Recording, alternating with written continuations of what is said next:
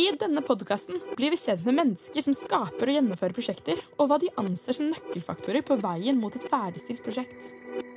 I første episode skal vi bli kjent med Oslo Business Forum, som er Norges største konferanse for nettverksbygging og kunnskapsdeling. Oslo Business Forum, også kalt OBF, blir arrangert årlig med opptil 3000 deltakere og 10 000 deltakere online. De huser gjester som Barack Obama, sir Alex Ferguson, Steve Wozniak og Malala, samt Norges største bedrifter. Vi har med oss Andreas Storsund Kustås, som er prosjektleder for Oslo Business Forum og søsterkonferansen Nordic Business Forum. Som prosjektleder har han ansvar for logistikk av alle deltakerne, kontakt med foredragsholderne, teknikk og oppsett av lokalet, samt å koordinere 100 frivillige som jobber under konferansen. Man kan vel kalle dette flyten for et arrangement. Velkommen i studio, Andreas. Tusen takk. Jeg må jo bare starte med eh, Hvorfor ble du prosjektleder? Nei, det er vel tusenkronersspørsmålet, det, egentlig. For meg så begynte det da jeg var student. Eh, og jeg har alltid vært glad i å arrangere ting, enten det har vært altså være festsjef i russestyret eller hva det har vært liksom opp igjennom. Så for meg så begynte nok da jeg ble student og fikk muligheten til å være med på en del av disse her studentarrangementene. Eh, så da jeg begynte på BI spesielt, så var jeg med i fadderuker og næringslivsdager og det som er. Og, og, da kjente jeg at dette er noe jeg kunne tenke meg å jobbe med. Og prosjektlederbiten av det har alltid vært det som har vært mest interessant for min del. Så da jeg fikk mulighet til å begynne i OBF, så var det bare å hoppe på det, egentlig. Når kom du inn i prosjektet?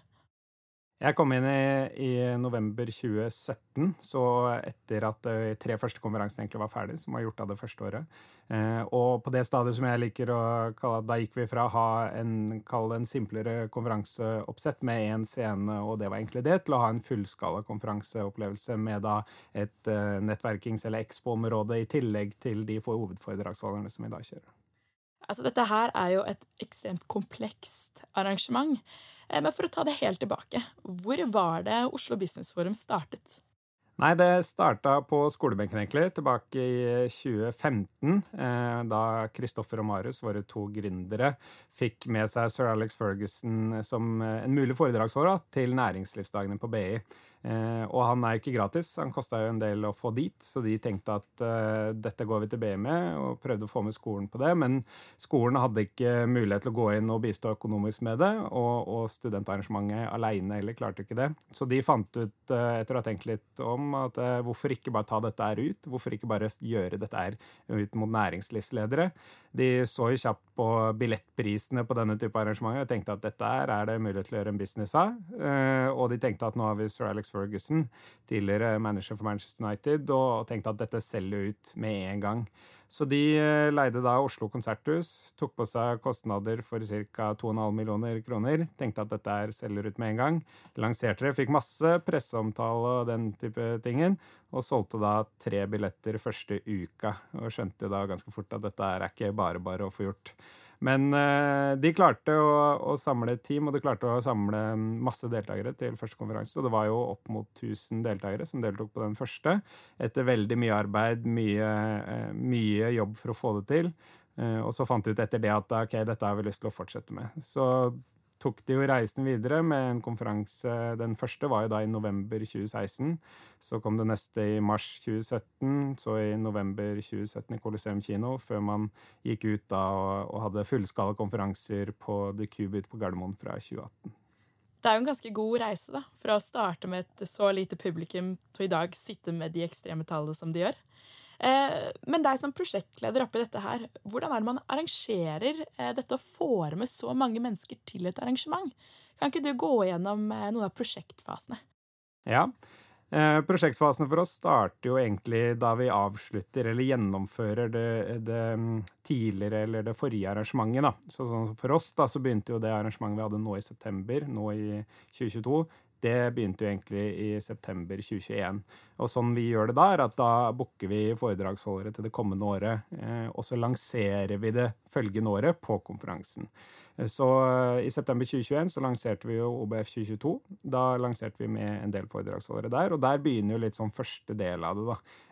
For så fort man er ferdig med den konferansen, så begynner jo salget inn mot det følgende året. Og da begynner jo, Det er jo hovedsakelig to måter å gjøre det på. Det er jo billettsalg.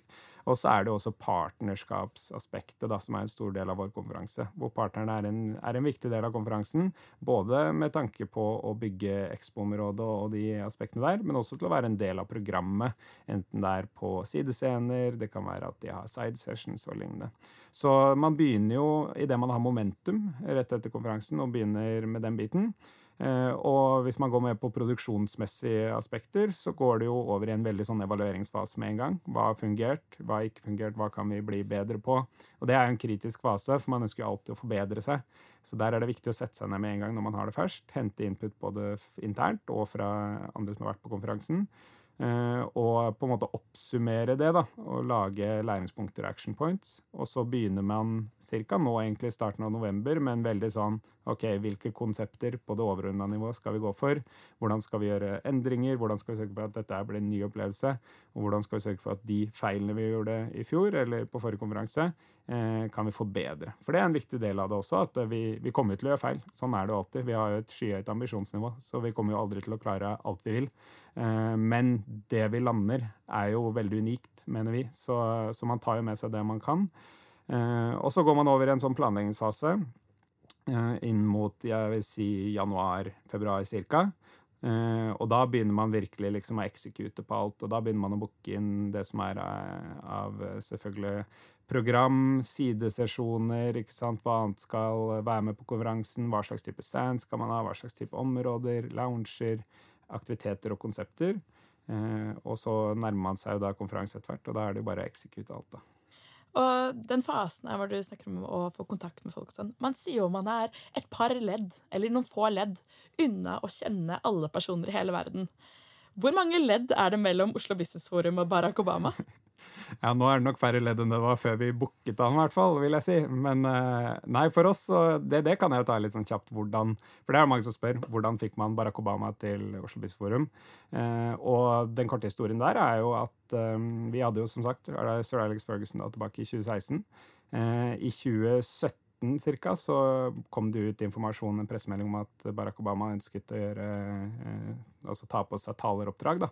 Eh, og da var det tilfeldigvis sånn at den agenten som var agent for Sir Alex Ferguson, var også den samme som kom til å jobbe inn mot eh, Barack Obama. Så der var det en naturlig vei inn, og så var det jo mye stang ut, for man omsider fikk en go på den. da. Og videre, så når du først da får Barack Obama til å komme Dere har jo masse frivillige, som jeg nevnte innledningsvis. Hvordan trener dere dem og får dem innstilt i dette teamet som allerede arrangerer Oslo Business Forum? Det er en prosess som begynner egentlig før sommeren. Eh, vi henter jo inn eh, utvalgte som er med i det vi kaller et leadership program, som blir rekruttert på vårparten. Og det er da fem til åtte personer som kommer inn og er veldig tett på Oslo Business Forum i den planleggingsfasen og får jobbe veldig tett med hvordan vi skal fasilitere ting. Og så inn mot sommeren og rett etter sommeren så rekrutterer man da frivillige fra eh, forskjellige skoler, først og fremst studenter. Vi har jo hatt et tett samarbeid med flere studentinstitusjoner og studentforeninger på dette her. Mye fordi vi også har vært veldig mye frivillige. Mange av oss som jobber i Oslo Business har jo en bakgrunn i frivillig arbeid. Eh, så for oss har det vært veldig viktig den læringsprosessen der, og da kjører vi trening de siste tre til fire ukene inn mot konferansen. For studentene som er med på Oslo Business er jo på mange måter spydspissen inn mot eh, deltakerne. Det er de som er frontlinja, og det er de som deltakerne kommer til å møte. Så for oss er det ekstremt viktig at de skjønner våre verdier i form av kundeservice, i form av alt praktisk info de må kunne, hva er det folk kommer til å spørre om, og hvordan gjør man dette på en topp måte. Ja, For å sette i perspektiv til de som hører på, så er det da 100 mennesker som går rundt med et lite gult tørkle i halsen på denne store konferansen i to dager og skal levere best mulig kundeservice, som da dere har trent dem opp til. Men rundt disse 100 menneskene så er det også et Oslo Business Forum-team. Hvordan har dere satt, en, satt sammen de som skal koordinere hele konferansen i forkant og underveis? Det er jo et kjerneteam på de ansatte, først og fremst, da, som er ca. ti personer. Eh, og der er det veldig spredt ut at eh, noen jobber jo da med markedsføring og kommunikasjon. Eh, for det er jo ekstremt mye som skal kommuniseres både i forkant, underveis og i etterkant. Man må jo sørge for at de som kommer på konferansen, vet hva de skal møte, veit hva slags program det skal være, veit hvordan de tar seg dit. Det er veldig mye praktiske aspekter man ikke nødvendigvis tenker over. Og så er det en del som jobber inn mot salg og partnerskap. Vi har jo hatt opp mot 30 partnere som en del av Oslo Business Forum. Det er viktig at de får en god opplevelse og får det de skal ha inn mot en sånn konferanse. Eh, samt at eh, resten jobber inn mot selve konferanseopplevelsen. Og det er jo enten da praktiske ting, du nevnte jo det innledningsvis her med logistikk, menneskeflyt, den type ting er jo helt kritisk. Men også selve programmet, som er kjerneproduktet vårt. da, Vi henter jo inn noen av verdens beste foredragsholdere. Og vi må jo sørge for at den biten, både teknisk, praktisk og logistikkmessig, glir gjennom de to dagene da, som vi har konferanse. Og hvordan får dere dette teamet såpass sammensveiset? Det er, mye, det er mye, jobbing. Det, man jobber jo veldig oppå hverandre, spesielt i to måneder før konferanse. Så vi har jobbet, Jeg vil si at det viktigste vi har jobba med, er egentlig tilbakemeldingskultur. Dette er noe vi har jobba med i flere år, eh, hvor det skal være en veldig lav terskel for å gi tilbakemelding på ting. Hvor, altså konstruktive tilbakemeldinger på hvordan man kan bli bedre. De skal alltid gis på riktig måte. Det skal aldri være for å få ut frustrasjon eller den type ting, men det skal alltid etterstrebe at den du sier det til, den skal bli best mulig. Og det er jo da gjerne kan jo være veldig praktiske ting, sånn som den mailen som gikk ut her. Her tenker vi at hvis du hadde phrasa dette sånn og sånn, så kunne det blitt bedre og fått mer resultater. Eller at de kommer til meg og sier eh, Andreas, måten du har holdt den første treningssession på med studentene, var ikke optimal. Hvis du hadde gjort, lagt opp løpet på en annen måte, sånn og sånn, så kunne du nådd bedre gjennom til studentene. Jeg tror de hadde hatt en bedre opplevelse, f.eks. Så, så jeg vil si at kjernen av mye av denne planleggingen og teambuildingen er jo dette med tilbakemeldingskultur. Og så er det mye bevisst inn mot teambuilding og den type ting i forkant. Det å, det, å, dra på turer, det å komme seg ut av kontoret litt, det å sette av tid til å bygge de relasjonene internt, det er veldig veldig viktig. For det er, det er en høyintensitetsperiode man går inn i, spesielt rundt konferanseperiodene. Og da er det viktig å ta vare på hverandre oppi det, både oss, men også ut mot studentene sant, som er med her, at de har en trygg opplevelse for å være med. Hva vil du si er eh, arbeidsmengden eh, utover året før en sånn konferanse for å få eh, dette teamet klart til jobb? Altså Da tenker jeg på faktisk sånne arbeidstimer. Hvor mye legger dere ned? Ja, det, det, er jo et tall jeg ikke har lyst til å tenke på, i hvert fall i uken opp mot konferanse. Men eh, det er, det er viktig å påpeke at det er litt sånn sesongavhengig. Eh, for oss da, så er det jo desidert mest tid opp mot konferansen. Eh, mens resten av året så må man da også sørge for å kompensere ved å ta tid av. Vi har en veldig fleksibel tilnærming i Oslo Business hvor du skal sørge for at på en måte bunnlinja på slutten av året går opp i opp. Det betyr f.eks. at vi tar oss eh, en friuke på høsten etter konferansen for å gjøre opp for all den harde jobbingen. Eh, også kanskje at man tar utvidede påske- eller juleferier og den type ting. Mens når det kommer til selve konferanseperiodene, så er det jo veldig veldig hektisk. Da er det mange sene kvelder, det er tidlige morgener og det som er. Og så er det også viktig å påpeke at Eh, noe man kanskje ikke tenker så mye over med konferanser, er at eh, det er veldig mange forskjellige aspekter. Så for meg som med produksjon primært, så har jo jeg en ekstremt hektisk periode opp til og med konferansen, mens det roer seg da i ettertid. Mens for de som jobber med salg, så går de jo da inn i en kjempeviktig salgsperiode. Så da er det jo tre til fire uker etterpå hvor man må også levere.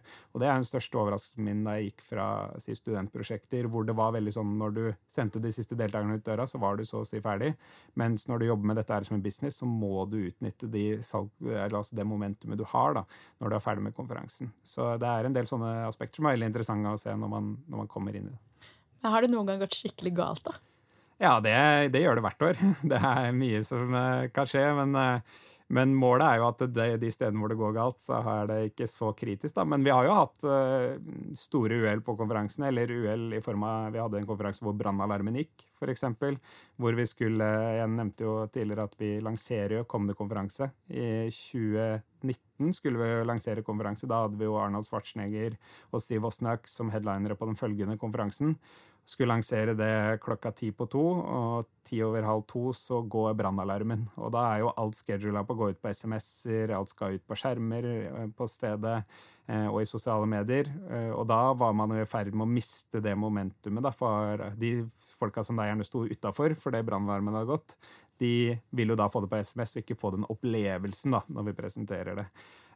Så da var det jo alle, alle personer til pumpene å på en måte kutte den kommunikasjonslinja der, gå inn igjen, forskyve alt, og så få det ut. Så det er jo en del sånne ting. Vi har jo hatt webinarer hvor vi har gått ut med moderatorer i København og foredragsholdere i Sveits, og så er det ingen som hører hverandre, og man står der live og det er bare helt eh, krise, så man må bare pull the plug på det med en gang. Så det, sånne ting skjer hele tida, men det er jo det er fordi man ønsker å prøve nye ting. Man ønsker å teste, man er nødt til å være tørre å feile på denne, disse tingene. Og, så det, det, kommer alltid til å skje sånn jeg ser Jeg vet jo at du har et litt sånn eh, kjent liten metafor før du eh, setter i gang en sånn stor konferanse, når du snakker og motiverer påfølgende eller dagen før.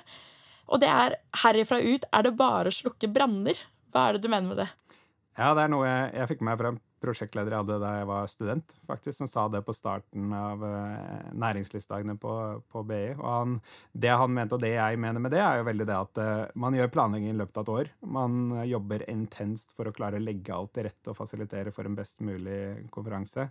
Men når man sitter der på morgenen av første konferansedag, så er det slutt på planlegginga. Da er det ikke noe mer man kan gjøre for å legge, altså, planlegge at dette skal gli sånn og sånn. Det er bare å følge de planene som er lagt.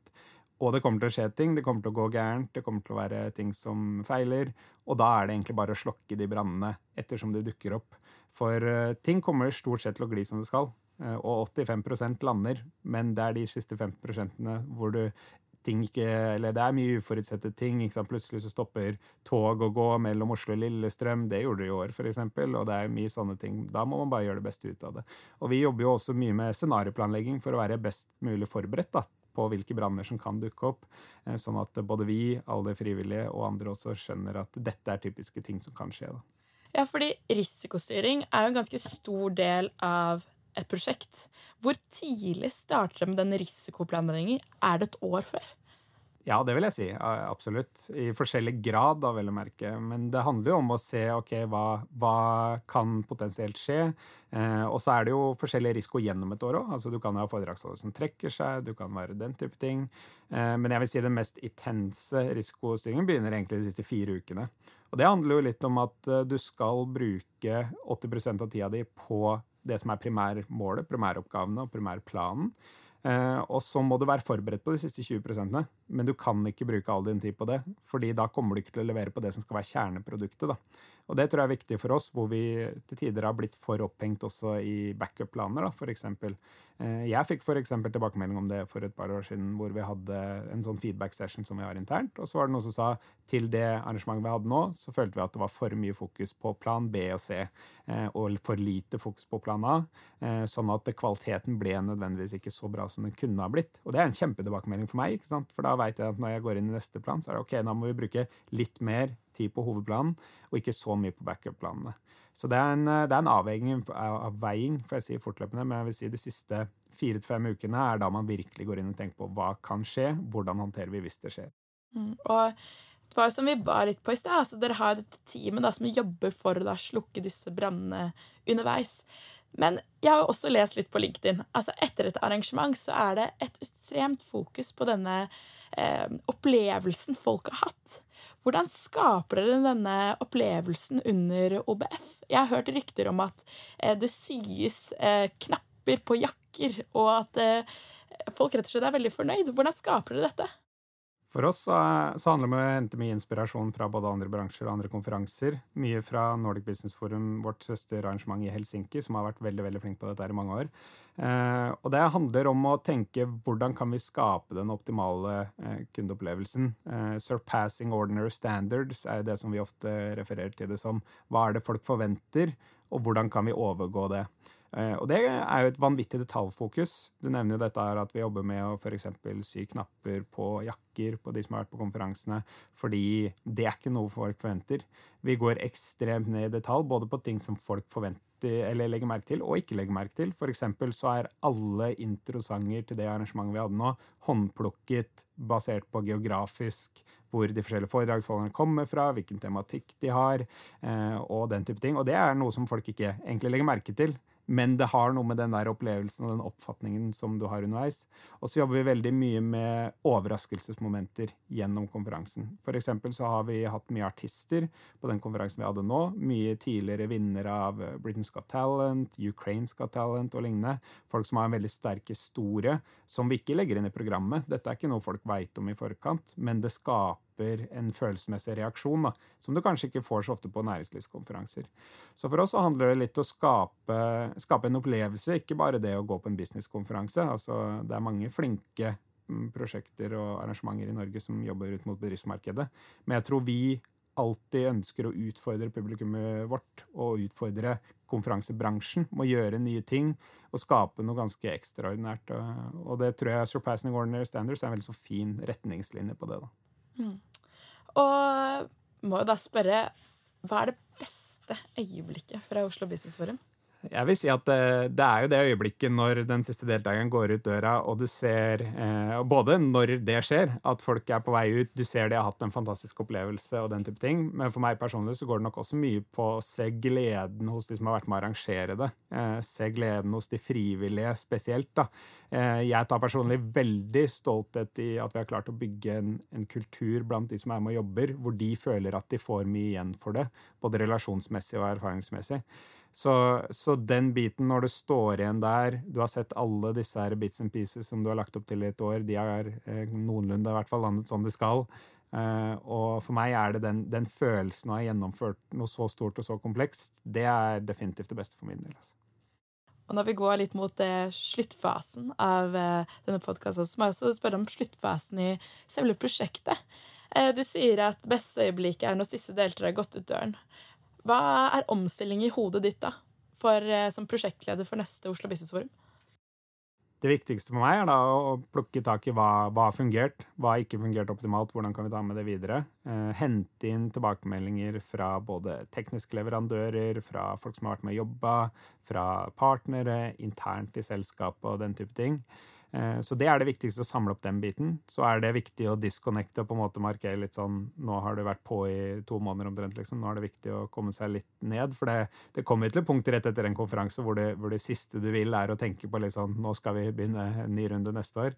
Eh, og det å hente litt overskudd da, og så begynne den planleggingen, det er veldig spennende. Og jeg tar jeg syns det er veldig spennende å se litt sånn på hva kan vi gjøre bedre. For jeg mener jo alltid at det er rom for forbedring. Er, ellers så kunne vi ikke gjort dette her. Eh, og det er masse som ikke funker for oss. Og det er veldig motiverende å se da også på ok, hvordan kan vi sørge for at dette blir en enda bedre opplevelse for deltakerne neste år.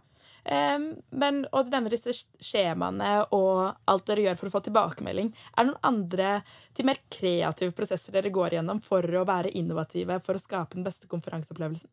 Vi prater ofte med andre typer stakeholders fra andre bransjer. Det kan jo f.eks. være bærekraftseksperter. Det kan være konsulenter på eventer. Folk som eh, vi snakker med fra andre, andre bransjer. Jeg hadde bl.a. et møte forrige uke med prosjektledere nede i Nederland som jobber mye med festivaler der. Vi henter veldig mye inspirasjon fra festivalbransjene fordi de er vanvittig gode på å skape disse opplevelsene. Så det, det handler jo i stor grad om å hente inspirasjon og ideer og tanker fra folk som kanskje har en litt annen inngangsvinkel enn det vi har. Eh, I tillegg til selvfølgelig alt det praktiske som vi får gjennom eh, spørreundersøkelser og møter med partnere og den type ting. Så det å hente mest mulig feedback, gjerne fra forskjellige perspektiver, det er noe som vi tar, som vi tar veldig alvorlig inn i den prosessen her. Og altså, som, som en eh, femårig ongoing prosjektleder hva er ditt tips til folk som kanskje har lyst til å bli prosjektledere, eller lyst til å være med og gjøre en endring i prosjektene de allerede er med i? Ja, mitt beste tips der er jo å være ærlig, være god på å komme med ideer, tørre å prøve nye ting. Jeg tror det som veldig mange begrenser seg sjøl litt, er det at man føler at man må alltid levere et perfekt resultat. Min erfaring er at de tingene du lærer mest av, er jo Det er en klisjé å si det, men det er de tingene som ikke fungerer. De tingene man feiler på. Jeg tror eh, generelt at folk er for redd for å prøve nye ting fordi de vil, bli, altså de vil levere et perfekt resultat. Eh, men jeg tror eh, ved å prøve nye ting, prøve nye typer eventer, prøve nye ideer, hente inspirasjon fra ting du ser rundt deg i andre bransjer, andre typer innfallsvinkler, det er nok noe som kommer til å få deg til å skille deg ut. Og så er det egentlig bare å kaste seg ut i det. det blir, jeg pleier å si at det blir ikke mer moro enn det du lager sjøl. Og det er litt eh, gjennom gjengangsmelodien for oss i Oslo Business Forum også. Eller er det være siste ordet? Tusen takk for at du kom og deltok i podkasten. Takk for at jeg fikk komme.